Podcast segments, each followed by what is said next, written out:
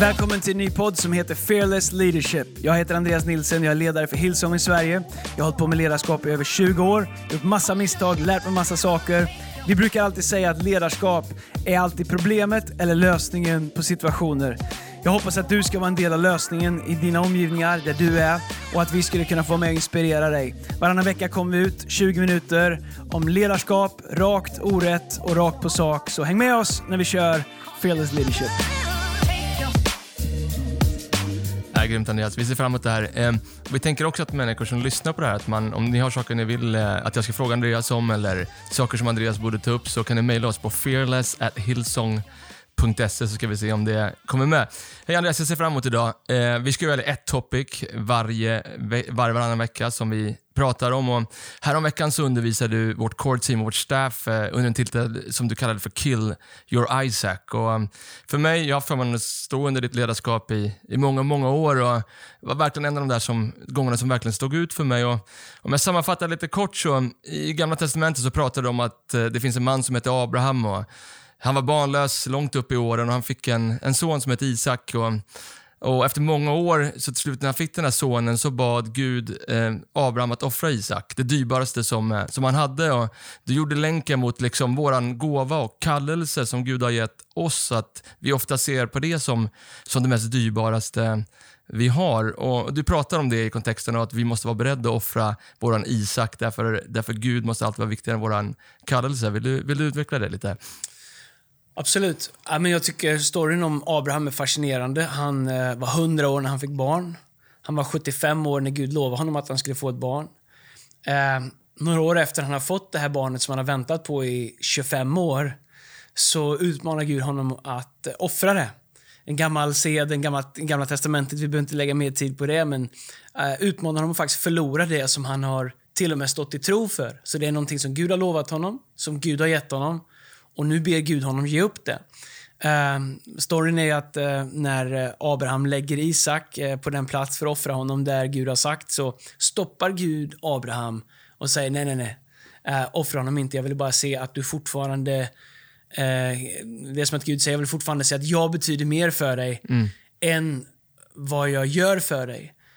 Um, jag tror att det är ganska enkelt för oss att ibland blanda ihop Gud som ger oss saker in i våra liv, ger oss välsignelsegåvor med eh, de gåvorna som man faktiskt ger. Och En av utmaningarna är att alltid värdera Gud mest. Och ibland ser man människor som aldrig riktigt hittar in, de hittar aldrig rätt. Man ser att de har stora gåvor, man ser att det finns talang i deras liv, men det är som att man går runt med sin talang som en slags eh, blomsterkruka och aldrig riktigt låter den planteras någonstans. För man vill se vart kan jag få mest utrymme, vart blir jag mest förstådd, vart kan jag få mest plattform, vart kan jag Um, vart kan jag liksom få ut mest, få mest bang for the buck för min gåva? Men jag upptäckte att Guds rike är ofta väldigt annorlunda.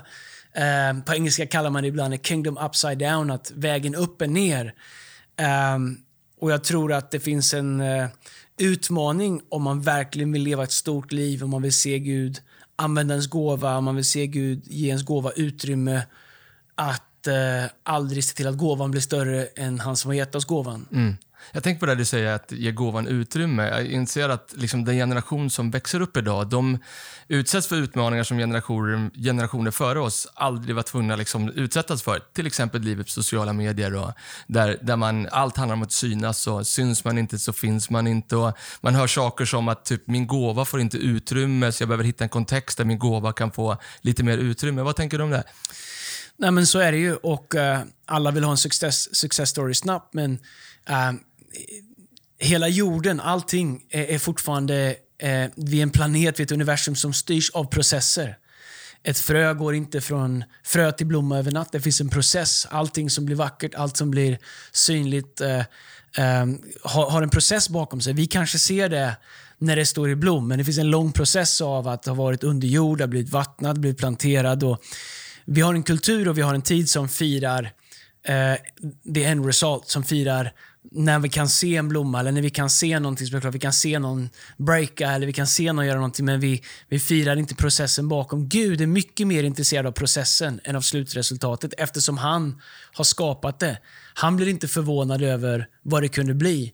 Gud är mer intresserad av vad han får göra oss till än vad vi faktiskt kan prestera. Och om vi hela tiden letar efter en plats där vi kan se slutresultat och vill skippa över processen så kommer vi missa det som Gud faktiskt har tänkt för oss. För Gud är karaktär, integritet, eh, trofasthet. Mycket viktigare attribut än talang, X-factor eh, och alla de här sakerna. Men när man kan kombinera de två Um, så, så kan det bli allra bäst. Vad tror du gör om en generation som växer upp och ser bara slutresultatet på Snapchat eller Instagram? Man ser liksom inte processen utan man ser lovsångsledare eller predikanter som lägger upp preach quotes på sig, på sig själva och alla har liksom ett ord att säga någonting. Vad tror du gör liksom med en generation som ska växa upp och liksom på något sätt bli allt det som Gud har tänkt att de ska bli? Ja, men jag tror att det finns eh, vissa delar i det som kan vara inspirerande. Det är bra att det finns, men jag tror att det finns en, eh, en baksida på det också. Um, jag tror att det är ganska enkelt att jämföra sitt vanliga gråa tråkiga liv där man tjänar i trofasthet med någon som lägger upp liksom 15 sekunder av deras absolut bästa som dessutom är både stylat och filter på grejer och så tror man att det är så livet ser ut och det är det livet ska vara. Men så är inte livet med Gud. Um, och jag tror att uh, alla vi som har plattform och som har visst strålkastarljus på oss har ett enormt ansvar. Jag är själv superambivalent i sociala medier. Å ena sidan så är det superbra, det finns så många uppsidor av det, det är här för att stanna, inga problem med det, jag är med i det.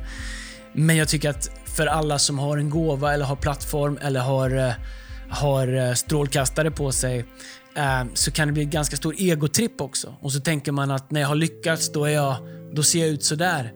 Um, jag tror att uh, man kan ganska snabbt bygga sin egen plattform oavsett vad det är liksom i musik, eller predika, eller leda eller whatever.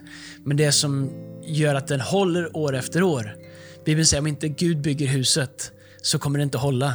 Mm. Uh, och uh, Jag tror att det finns någonting att lära sig av att förstå kraften i process. Kraften i att sätta Gud först. Kraften i att Gud kommer pröva våra motiv under hela resan. Kraften i att förstå att Gud kommer testa oss. Är det viktigare för mig att tjäna Gud eller att få en inbjudan eller få en plattform eller synas? Och, um, ibland så uh, tänker vi att vi är gåvan till människor, men det är vi faktiskt inte, utan det är Gud som är gåvan till människor. Mm. Jag gillar det och eh, tänker tillbaka på den här gången när vi satt och jag lyssnade, lyssnade på dig när du undervisade om det här så, så var det också ganska person om liksom, du hamnade på en plats där du behövde liksom kill your Isaac. Och du sa en sak som jag skrev ner och som, som faktiskt etsade sig fast hos mig. Du, du sa så här, min kallelse är inte min, för jag har inte kallat mig själv. Om det är Gud som har gett oss alla gåvorna i våra liv så måste vi vara beredda att låta Gud använda de gåvorna som han vill, när han vill och om han vill. Vad menar du med det? Nej, men jag tror ibland så eh, är det väldigt enkelt att eh, liksom fastna i att men jag har kallelser som jag måste få utlopp för. Jag har gåvor som jag måste få utrymme för. Um, å ena sidan kan jag förstå det. Det är härligt att ha en längtan på insidan att vilja göra något. Men å andra sidan så finns det något otroligt självcentrerat i det. Som att uh, um, jag äger min gåva. Till att börja med så anser jag inte att jag äger de gåvor som jag har. Bibeln säger att all, Gud är alla goda gåvors givare. Så det är mitt liv som är en gåva eller talang. Det tillhör Gud. Och om det tillhör Gud så är det upp till honom att använda vilka av dem han vill, när han vill eller inte vill. Um, och om han vill till och med. Um, mitt mål uh, är inte att uh, få så mycket utrymme eller utlopp för mina gåvor som möjligt. Mitt, mitt mål är att behaga Gud. Mm. Uh, att, Gud att göra det Gud kallar mig till i den säsong som Gud har kallat mig till. Och Jag har haft säsonger i mitt liv där jag har haft mycket plattform. När jag bodde i USA, eh, livet expanderar fort och, och, och så till att komma till Sverige och allting började om helt från början. Var mina gåvor annorlunda? Nej, de var samma. Men det var olika säsonger. Och jag tror att för varje, om man skulle använda ordet nivå, för varje ny nivå som Gud lyfter upp dig till, så finns det alltid ett kill your Isaac moment eh, innan. Och eh, tyvärr så ser man för ofta människor som istället för att liksom bara lägg, liksom äga det, mm. lita på Gud och gå igenom det, som letar efter, hittar annan kontext istället där man kan fortsätta använda de gåvor på den nivå man var tidigare och inte fortsätter att växa. Um, jag tror att varje gång som du ska ha en ny skörd så måste du så någonting. Men kom ihåg att Gud, det är inte så att Gud har så mycket folk att använda så att han bara vill sätta folk på paus. Men Guds rike opererar inte riktigt på samma premisser som vi gör här. Du kan gå till din chef och jag läste en, en eh, eller såg på en grej om, eh, som man pratar om 18-åringar, 20-åringar och hur man resonerar när man kommer till jobbet. Och kanske fråga sin chef, vad är din plan för min ut utveckling? Och det är väl fine uh, att det är så. Det, det var inte så när jag hade mitt första jobb. Min fråga var, vad behöver jag göra för att behålla jobbet? Jag säger inte att det ena alltid är bättre än det andra. Men jag tror att om vi kommer till Gud och säger Gud, vad är din plan för att jag ska få utlopp för mina gåvor? Vilken kyrka vill du jag ska vara i så att jag kan få maximera mina gåvor? Vart vill du jag ska vara så att jag får utlopp för, för det som jag har inom mig? Vi har en enorm fokus på det vi har inom mig. Det du har inom dig är anden. Det du har inom dig är Gud. Uh, det spelar ingen roll vart du är. Om du har lagt ditt liv i Guds händer och om dina gåvor ligger i Guds händer, då kommer Gud använda dig. Det spelar ingen roll mm. du är. När jag planterar det givetvis i en hälsosam kontext, i en, eh, i en kontext där man tror på ledarskap och, och där man eh, läser Guds ord och som är hälsosam på alla sätt. Eh, men eh, det här liksom att eh, jaga efter utrymme för sina gåvor och talanger, att tävla i de sociala medierna liksom preaching quotes och låtar och grejer. Då kan man säga, men ni Hillsong, ni är jättemycket sociala medier. Ja, det är vi. Och det här är en konversation som vi hela tiden har. Är det här till för att lyfta upp människor eller är det till för att dra människor till Gud? Och för oss är det en, en otroligt viktig fråga.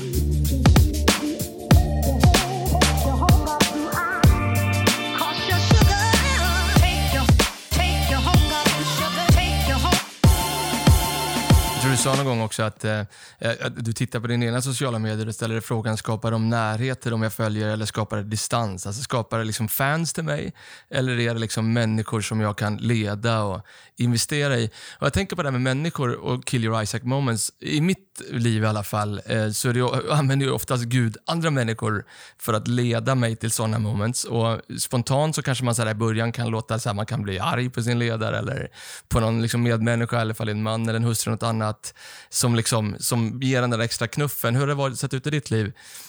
Vad menar du? Att du blir arg på din ledare ibland? Ja, det kan ha hänt någon gång. Alltså två, tre gånger de här 13 åren. Kill your Isaac. Nej, men jag tror... Eh, alltså, alltså ska man, Bibeln säger så här, om inte vetekornet faller ner och dör, så förblir det ett ensamt vetekorn. Så att i döden så finns det ett uppståndelse och det är ju så Jesus visar det. Och allt som ska uppstå och leva starkt måste, måste i, i, i Guds rike någonstans dö.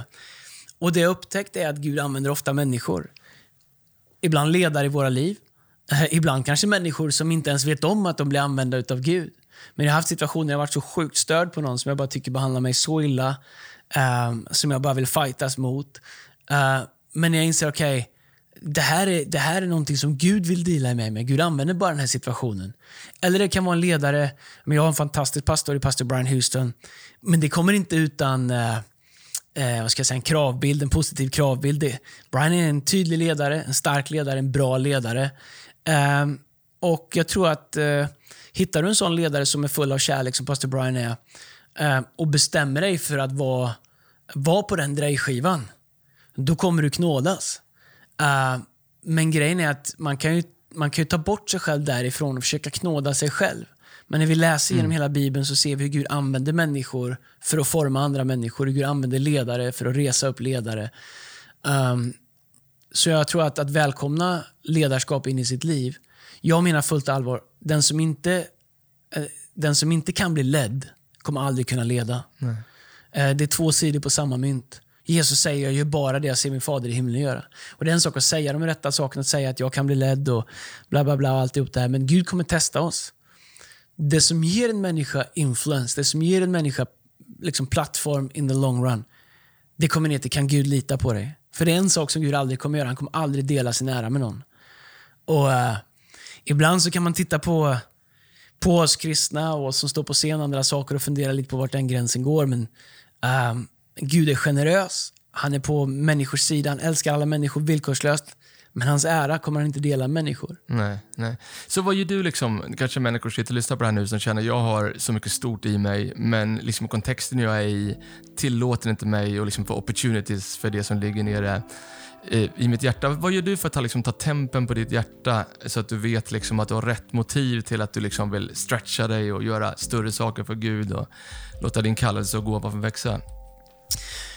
Jag tror att jag har gjort det här i snart 25 år. Jag tror att när man börjar så är man ung och man är liksom aspirerande, och man vill växa, man vill utvecklas, man vill stå på liksom större och större plattformar och det liksom kommer med den ungdomliga given på något sätt.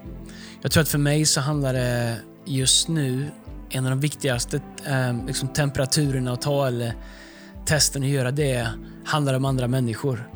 Eh, det är kul om någon säger att jag predikar bra men det betyder inte riktigt lika mycket nu som det gjorde för 25 år sedan när man skulle börja ta sina stapplande steg. Men om någon berättar för mig att det har betytt någonting för dem, att det har gjort en skillnad i deras liv, så betyder det allting för mig. För det, det är det som är min drivkraft. Och jag tycker man kan se ganska, ganska snabbt på människor vad som är deras drivkraft. Någon kliver av plattformen och säger “Hur var det? Hur lät det? Lät det bra? Mm. Är det något jag kan göra bättre?” Ibland kan man ju be om positiv feedback som ett sätt för att bara få Exakt. komplimanger. Men när man hör människor säga “Men vilken lovsång! Kolla där borta, såg ni hur de lovsjöng Gud där?” Eller den som har predikat, du vet så här, “Jag såg en person där nere som såg ensam ut, kom om vi fångar upp den efter mötet?” Alltså vad en människa tittar efter är vad en människa ser vad den människa ser är det den pratar om. Mm. Sen tror jag att det finns någonting som man behöver äga med det. Jag tror att alla som, om man pratar om ledare, har en sida av sig som är osäkra. Det finns en, det finns en osäkerhet hos alla ledare som man alltid måste hantera. Och, och, och Gud använder ofullkomliga människor, så det är inte så att du måste vara felfri eller färdig. Och det finns varje gång du, du leder och ställer dig framför andra människor för att leda oavsett i vilken situation så löper du en risk och det kommer en osäkerhet med det. Och det är fine, men det viktigaste är att hela tiden ha koll på vad är mitt motiv. Um, en, en, en, grej som kan verka banal, men jag har förmånen att resa på många ställen runt om i världen och predika i många, många stora kyrkor och kända kyrkor. Men för mig har det alltid varit så, om jag är borta någon söndag och predikar så har mina sociala medier, eller det jag pratar om, det har aldrig handlat om det utan det har handlat om våran kyrka hemma. För mitt hjärta är alltid hos människorna i våran kyrka hemma. Det är det viktigaste för mig. Sen om världen vet att jag predikar i en megakyrka, inte, det spelar ingen roll. Utan, och Jag tror att det är viktigt för mig, och jag säger inte att det är fel att lägga upp någon bild av men det, det, är viktigt för mig att se till att allting i mitt liv speglar det som är viktigt för mig. Mm. Nej, eh, Bara någon fråga till om liksom det här med Kill your Isaac och man, hur det leder till ett sacrifice eller ett offer i ens liv. Jag tänker ju liksom att så fort man ska upp på liksom en ny nivå. Jag hörde någon säga new level, new devil någon gång. Liksom. Jag tänker så här, du vet, man ska upp på en ny nivå i sitt liv så, så är det ganska ofta förknippat med ett offer. Vad gör man när ens ledare eller den som leder en ber en göra någonting som man känner det här är bara, det här är för mycket, jag vet inte om jag klarar av det här. Vad, vad gör man?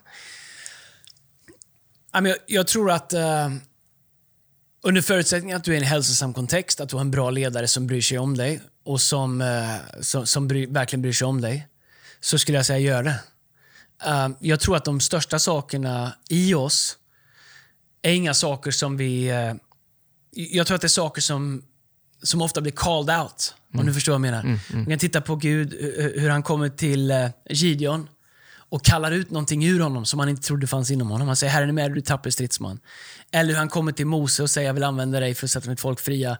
Eh, så, så Gud har en förmåga att kalla saker, alltså Romarbrevet eh, eh, 4 och 17 är det Abrahams, det Gud säger om Abraham, Paulus Abraham, han kallar det som rättfärdig, för han kallar det på ting som inte fanns som om de redan fanns. Mm, jag tror mm. att det är 1917 års översättning. Ja, det är bra. Men, och jag tror att Gud är ofta sån. Och Gud använder människor för att resa upp människor. Mm. Så, något som gör mig ganska, liksom, du vet, så här, alltid lite reserverad, det är när jag hör någon säga att jag behöver ingen ledare, jag har Gud. Eller jag behöver inget sammanhang, jag har Gud. Det är helt obibliskt. Alltså vi är allihopa delar av en kropp som prövas av en kropp och, och, och, och kroppen är viktig och så också ledare. Så jag skulle vilja säga om någon utmanar dig att göra mer än vad du trodde att du kunde, mer än vad du tror är förbi din smärtgräns som ledare, gör det. Så länge du är ett hälsosamt, uh, ett hälsosamt team eller har en hälsosam ledare som bryr sig om dig. Gör det. Det är så Gud visar oss att det finns mer i oss än vad vi trodde alla de största sakerna i mitt liv, om det nu finns några sådana, men de, sto- de liksom viktiga, värdefulla sakerna i mitt liv, de har kommit av eh, orealistiska förväntningar. Mm. Som från början var helt orealistiska. Men så när man inser och börjar göra dem och, och med Guds hjälp börjar växa in i dem och inser att det här fanns inom mig. Jag hade aldrig kunnat se det själv. Jag hade aldrig kunnat våga tro det mig själv. Min självbild är för dålig, mitt självförtroende är för lågt. Um, det jag ser i min egen framtid är för litet. Men tack gode Gud för ledare som kan se mer mm. och som faktiskt ibland kan utmana dig på ett sätt där du kliver ut i saker som från början är, verkar liksom helt det känns inte fair, men sen så blir det ett, ett slags nytt normalt efter en tid när du har lärt dig leva i det. Ja, just det. Du sa, om jag liksom förhandlat klart mitt stora yes, mitt stora ja till kallelsen och så vidare, så är allt det där, de där små yesen mycket enklare. Eller hur? Ja, jag tror att eh, om man lever ett liv där man hela tiden eh, vill förhandla, ah, jag kan vara med, kan inte vara med, ah, jag kan spela, jag kan inte spela, jag kan leda, jag kan inte leda, jag kan göra något bra. Du vet, så här, det, ah, jag får se. Det, Alltså Jakobs brev pratar om att, att, inte vara som en våg som, som är fram och tillbaks. För min del är det superenkelt. Jag har sagt ja till att tjäna Gud. Jag har sagt ja till att följa Jesus, vad han än ber mig om. Faktum är att Paulus säger att nu lever inte längre jag, utan Kristus lever i mig. Och Jag tror att om du vill bli använd av Gud, om du inte har förhandlat klart om ditt stora ja, alltså sagt ditt stora ja till Gud. Gud, mitt liv tillhör dig, min tid tillhör dig, mina ägodelar tillhör dig. Um, allt jag har tillhör dig. Har du väl förhandlat klart om det och sagt Gud, det tillhör dig, därför att allt jag har kommer ifrån dig. Då är det superenkelt. Då är ju allt annat jag också. Ja, fantastiskt. Men har du inte förhandlat, har, har du inte gjort det, då kommer varje liten fråga som du får, eller stretch som du får, vara en förhandling och ett opportunity. Ah, jag kanske ska backa lite, eller jag kanske inte ska vara med. Varje gång någon trampar dig på tårna, vilket alltid sker där det finns människor, eller någon inte ser vad du gör, eller ger dig uppmuntran som du kanske egentligen förtjänar. Då kommer du alltid komma tillbaka och förhandla om ditt yes. Säg ja, stort, och håll fast i det. Ja. Du sa en annan sak Andreas, du sa så här i början lägger vi vår framtid på altaret. Alltså när vi början på vår kallelse och när vi blir äldre så lägger vi hela vår success, det vi har gjort eh, på altaret. Utveckla det. Men jag tror om jag ser tillbaka på mig själv, liksom 20 år, valde att följa Jesus, dedikera mitt liv till att tjäna Gud, så det mesta var ju framför. Mm. Och det var enkelt att lägga sin framtid i Guds hand, framförallt för mig, för jag hade ingen, nästan ingen. Du vet, det, var en, det var ingen stort sacrifice att lägga sin framtid i Guds hand, för att den var... Eh, men jag tror att ju längre man eh, tjänar Gud, ju längre du följer Gud och Gud välsignar dig och, och du får vara med om saker, ju mer liksom success kanske du har att stå på. Andra människor tycker att du har lyckats med saker och du har byggt credibility i olika saker. Och jag tror att på samma sätt som man lägger sin framtid i Guds händer när man, när man börjar den här resan, på samma sätt är det oerhört viktigt att lägga sin success på altaret eh, regelbundet. Eh, annars så eh, ehm, tappar vi bort liksom det här fina, rena i att få tjäna Gud. Eh, jag behöver Gud lika mycket idag som jag gjorde den där dagen när jag, när jag var 20 år och inte hade så mycket framtid att lägga i Guds hand. Men vet du, allt som är i mitt liv som har varit en framgång, det är på grund av Gud. Och om jag hämtar hem det och tycker liksom att det här är, det här är skalper i mitt bälte och varje gång jag blir ombedd att göra något så dallrar jag lite med dem och vill påminna om vad jag lyckats med. Det är inget bra förhållningssätt. För det första så impar det inte på Gud. Men jag tror att en av de viktigaste sakerna att faktiskt lägga på sitt altare, det är sin success. Och säga Gud, jag behöver det lika mycket idag som när jag började. Allt jag har är lika mycket ditt idag som när jag började. Uh, mitt anseende, mitt rykte, min tid, min bekvämlighet. Alltihop det där Gud, det tillhör fortfarande dig. Och jag tror att om man lyckas kontinuerligt göra det så kommer man bevara sitt hjärta på ett sätt som är hälsosamt. Och jag tror framförallt att det kommer påverka hur man ser andra människor. Mm. Och det är när vi inte behöver vår success eller när inte vi behöver det opportunities oftast, det är då Gud ger det till oss, eller hur? Ja. Du pratade om något tillfälle när du satt på Hillsong Conference nere i Sydney och det där verkligen så här damp ner i ditt hjärta. Kan du inte prata om det? Ja, det var, det var många år sedan jag satt på Hillsong Conference så många lite yngre predikanter gör. Jag bara tänkte, när är det min tur? Jag borde få predika, bla bla bla. Du vet, det där skulle jag kunna göra bättre. Det är kanske bara jag som gjort det. Jag är lite tävlingsmänniska. Eh, men eh, men eh, det var liksom som att det, det blev aldrig min tur. Och, och Jag minns ett år när jag satt där många år sedan och jag hade inte börjat resa så mycket internationellt än. Och, och, och Jag ville att Gud skulle öppna dörrar för mig. Eh, och Det var som att Gud sa till mig, om du behöver det här så kommer du aldrig få det. Och det, var liksom, det var som att resten av Hillsong Conference bara försvann för mig. För Jag hade liksom egna möten med Gud hela veckan där, där jag fick bara liksom kalibrera om mitt hjärta. Och, jag, och, och efter det så kände jag det spelar ingen roll om jag står för 20 000, 30 000. Jag har predikat där efteråt, jag har gjort allt det där. Men det spelar ingen roll för jag behöver inte det längre. Jag skulle lika lycklig att sitta längst uppe på läktaren, liksom andra, tredje läktaren. I det, det, det, ger mig inte värde. Mitt värde kommer inte därifrån. Mitt värde kommer ifrån att jag får tjäna Gud. Mitt värde kommer ifrån att Gud älskar mig, att Gud har en plan för mitt liv och att han har lagt gåvor i mitt liv som han får använda. Men det sjuka är så fort man känner att det där behöver jag inte. Inte det att man, inte, att man vägrar, men jag behöver inte det för bekräftelse. Jag behöver inte det för att vara okej. Då får det som att Gud öppnar alla de dörrarna runt om i hela världen. Och, eh, som sagt, jag lägger inte upp överallt jag predikar, men, eh, men nu när jag gör de sakerna så känner jag att det är en blessing. Det är ett opportunity, det är, det är, ett förtroende att förvalta. Men jag kan lika gärna sitta med två personer på ett café och prata med Jesus. Det, det är same same. Ja, fantastiskt.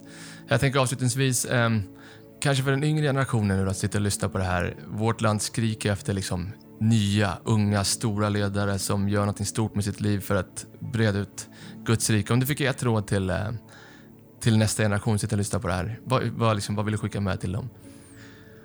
De får tre. Ja, ah, grymt. Kom. Nummer ett. eh, överlämna ditt liv till Gud. Um, bara gör det. Oavsett vart, vart du är eller om du är, tycker att du är i en bra eller dålig kontext, överlämna ditt liv till Gud. Nummer två, plantera dig i en kontext där du kan växa. Plantera dig i en kontext där du blir utmanad, uppmuntrad. Um, vi blir som vi umgås. All right? Um, jag har alltid velat vara en del av en grupp där jag inte är den bästa. Um, om du är bäst i din grupp, då är du en för dålig grupp. Uh, var i en grupp där det finns människor som kan utmana dig, som du kan ta rygg på. Och nummer tre, hitta någonstans där och börja tjäna. Alltså om din gåva är att spela, men det behövs någon som, uh, som städar, städa. Därför att Gud letar efter vår förmåga att tjäna. Det var så han gjorde med David när David vallade får och höll på där ute. Medan David trodde att han passade sin pappas får så höll Gud på att göra honom till kung ute på fälten. Så Gud letar efter om han kan lita på oss. Gud vet vilka gåvor du, du har i ditt liv och, och, och, Gud vet vad han har lagt i dig. Det, det, han har koll på dina gåvor, men han vill veta, kan han lita på dig? Kommer du vara här in the long run? Uh, törs han ge dig det som finns på insidan? Kommer du göra bra saker med dig eller dåliga saker? Och Det kanske är den viktigaste frågan att ställa sig själv. Om Gud gav mig och lät mig göra allt som finns inom mig, vem skulle det göra mig till? Om du ärligt funderar på det och ärligt svarar på det så då vet du vad ditt nästa steg är. Vi är glada eh, för att du tog dig tid att lyssna på det här. Vi är tillbaka om två veckor. Om du har frågor eller tips på saker vi ska prata om, mejla oss på fearless@hillsong.se. Ha en fantastisk vecka.